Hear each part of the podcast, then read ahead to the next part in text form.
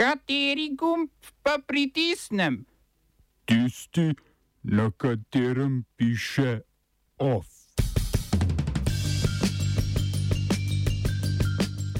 Splošna stavka v Italiji. Črnogorska vladna koalicija v senci. Komisija za medicinsko etiko ne podpira predloga, da bi necepljeni plačevali hospitalizacijo. KPK uvedla postopek proti premijeju Janezu Janši. V kulturnih novicah sedma izvedba decembrskega sejma ilustracije.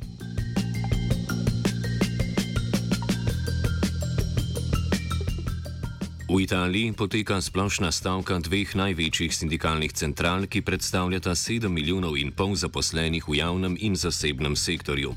Sindikati nasprotujejo predlagani davčni reformi in spremembam pokojninskega sistema. Vlada premijeja Marija Dragija predlaga, da bi davka na dohodnino razbremenili vse, ki zaslužijo med 15 in 50 tisoč evrov, kar v Italiji predstavlja srednji razred. Sindikati ustrajajo, da bi morale spremembe prinesti več tistim z najnižjimi nižjimi dohodki in da predlagana reforma najbolj koristi bogatejšim. Še bolj pereče je sicer vprašanje pokojninskega sistema, o katerem pa se vlada in sindikati še pogajajo. Današnjo stavko lahko vidimo tudi kot generalko za prihodnje, resnejše spopade med delavci in vlado. Današnja stavka sicer ni povsem ohromila države, ponekod je moten javni prevoz, predvsem v Rimu in Milanu pa so trge in ulice zaveli demonstranti oziroma zaveli, najbrž so jih zauzeli. Dragi ima v parlamentu trdno večino, zato sprejetje reforme verjetno ni pod vprašanjem vprašanjem.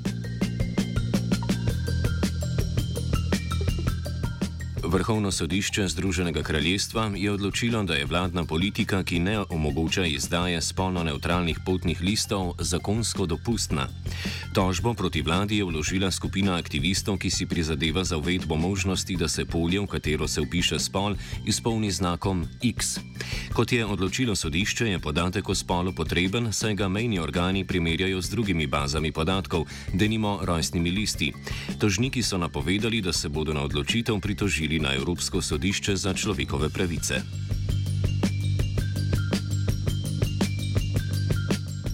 Tudi spolno-binarni potni listi pa Britancem ne omogočajo vstopa v Francijo. Pariz je namreč vstop v državo iz Združenega kraljestva omejil zgolj na nujne poti, ne glede na to, ali so potniki cepljeni ali ne. Razlog za to je hitro širjenje koronavirusne različice Omikron, ki je na britanskem otočju že prevladujoča in odgovorna za rekordno število novih okužb. Skoraj 80 tisoč novimi primeri je število okužb danes močno preseglo najviše številke iz drugega vala v prvih dneh letošnjega leta.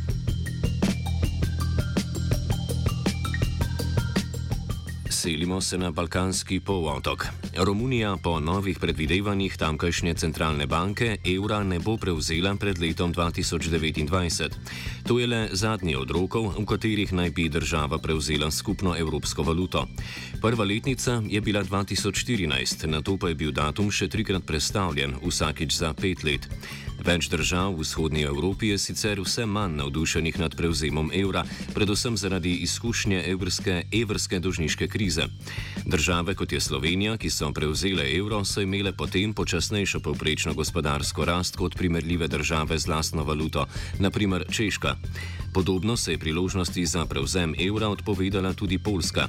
Predvsej bolj si za menjavo valute prizadeva Hrvaška, ki bo kune najverjetneje opustila z začetkom leta 2023. device.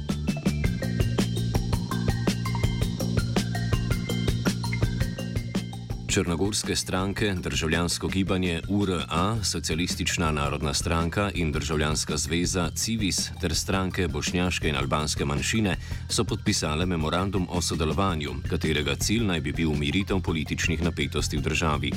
Memorandum združuje stranke iz vladne koalicije, v prvi vrsti državljansko gibanje s podpredsednikom vlade Dritanom Abazovičem na čelu in manjšinske stranke, ki so v opoziciji.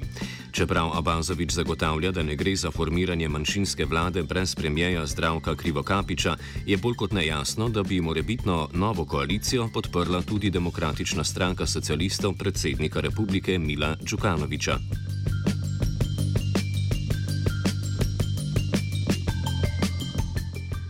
Skupščina mesta Loznica v zahodnji Srbiji je na izredni seji odločila, da se razveljavi prostorski načrt, ki je predvideval odprtje rudnika Litija.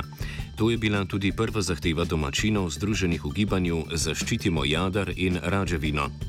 Rudnik litija še vedno predvideva uredba vlade, ki je še v veljavi. Nasprotovanje odprtju rudnika litija v lasti anglo-avstralske rudarske korporacije Rio Tinto se je iz Loznice razširilo v najmočnejšo opozicijo predsedniku Aleksandru Vučiću v tem mandatu. Rio Tinto je v svojih poslovnih načrtih predvidel 2 milijardi evrov investicij v rudnik v dolini reke Jadar. Prav danes je podjetje kupilo še šest parcel, kar pomeni, da se projekt nadaljuje.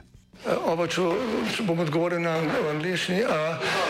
Uh, uh, Slovenija bo poskušala pomagati. Slovenija bo naredila naš utmost, da bo rekla, da je situacija naš problem, naš sebe.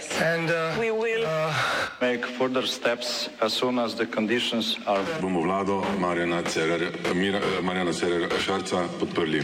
Zelo, zelo resno. Slovenija. We know how and we will. Komisija za medicinsko etiko, ki deluje pri Ministrstvu za zdravstvo, ne podpira uvedbe participacije pri plačilu stroškov za zdravljanje necepljenih bolnikov s COVID-19. Komisija to odločitev utemeljuje sicer nekoliko politično presojo, da se je treba vzdržati ukrepov, ki bi poglabljali razdvojenost v družbi. Proti so se nedavno opredelili tudi na Ministrstvu za zdravje. Idejo, da bi del stroškov zdravljenja necepljeni bolniki pokrili sami, zagovarjajo nekateri v strokovni skupini skupini za COVID-19. Tudi zdajšnja vodja Mateja Logar ter predsednica Zdravniške zbornice Slovenije in vodja posvetovalne skupine za cepljenje Bojana Bejovič.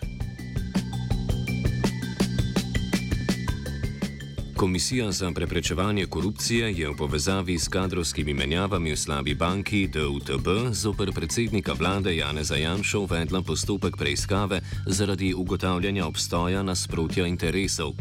Na komisiji so povedali, da so jo uvedli zaradi suma kršitve zakona o integriteti in preprečevanju korupcije in sicer v postopku imenovanja neizvršnega direktorja DUTB-ja. Upravni odbor DUTB-ja sestavljajo neizvršni in izvršni direktori. Predsednik upravnega odbora in neizvršni direktor je Franci Matos, sicer tudi odvetnik Jane Zajanše. DUTB je prav danes objavil razpis za izvršnega direktorja družbe.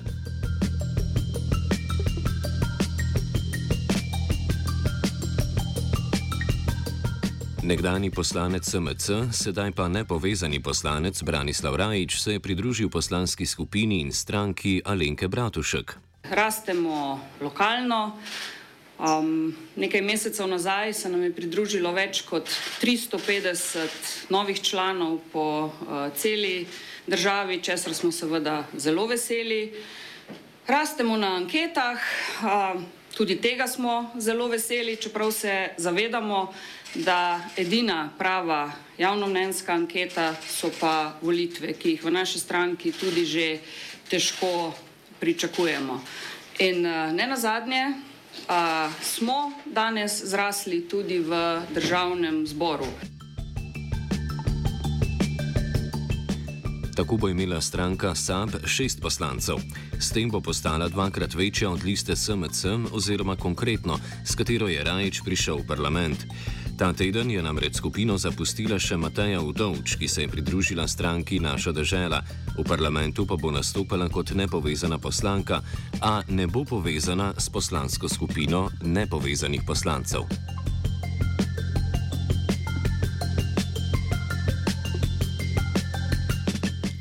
Občina Rogaška Slatina bo morala Ministrstvu za gospodarstvo vrniti del denarja za poslovni center Vrelec, ki ga je občina pridobila iz evropskih sredstev. Ministrstvo za gospodarstvo je pri izvedbi projekta, za katerega je občina pridobila 1,1 milijona evrov, ugotovilo več nepravilnosti. Občina je kršila več določil zakona o javnih naročilih. Prvi zahtevek za 360 tisoč evrov je dobila že aprila, a je župan do sedaj zavračal plačilo. Do zdaj se je nabralo za približno 70 tisoč evrov zamudnih obresti, občina pa želi znesek zdaj plačati čim prej, po možnosti še danes. Odkud bo prišel denar, izveste čez slabi dve uri v današnjem offsajdu. Ofal je gal.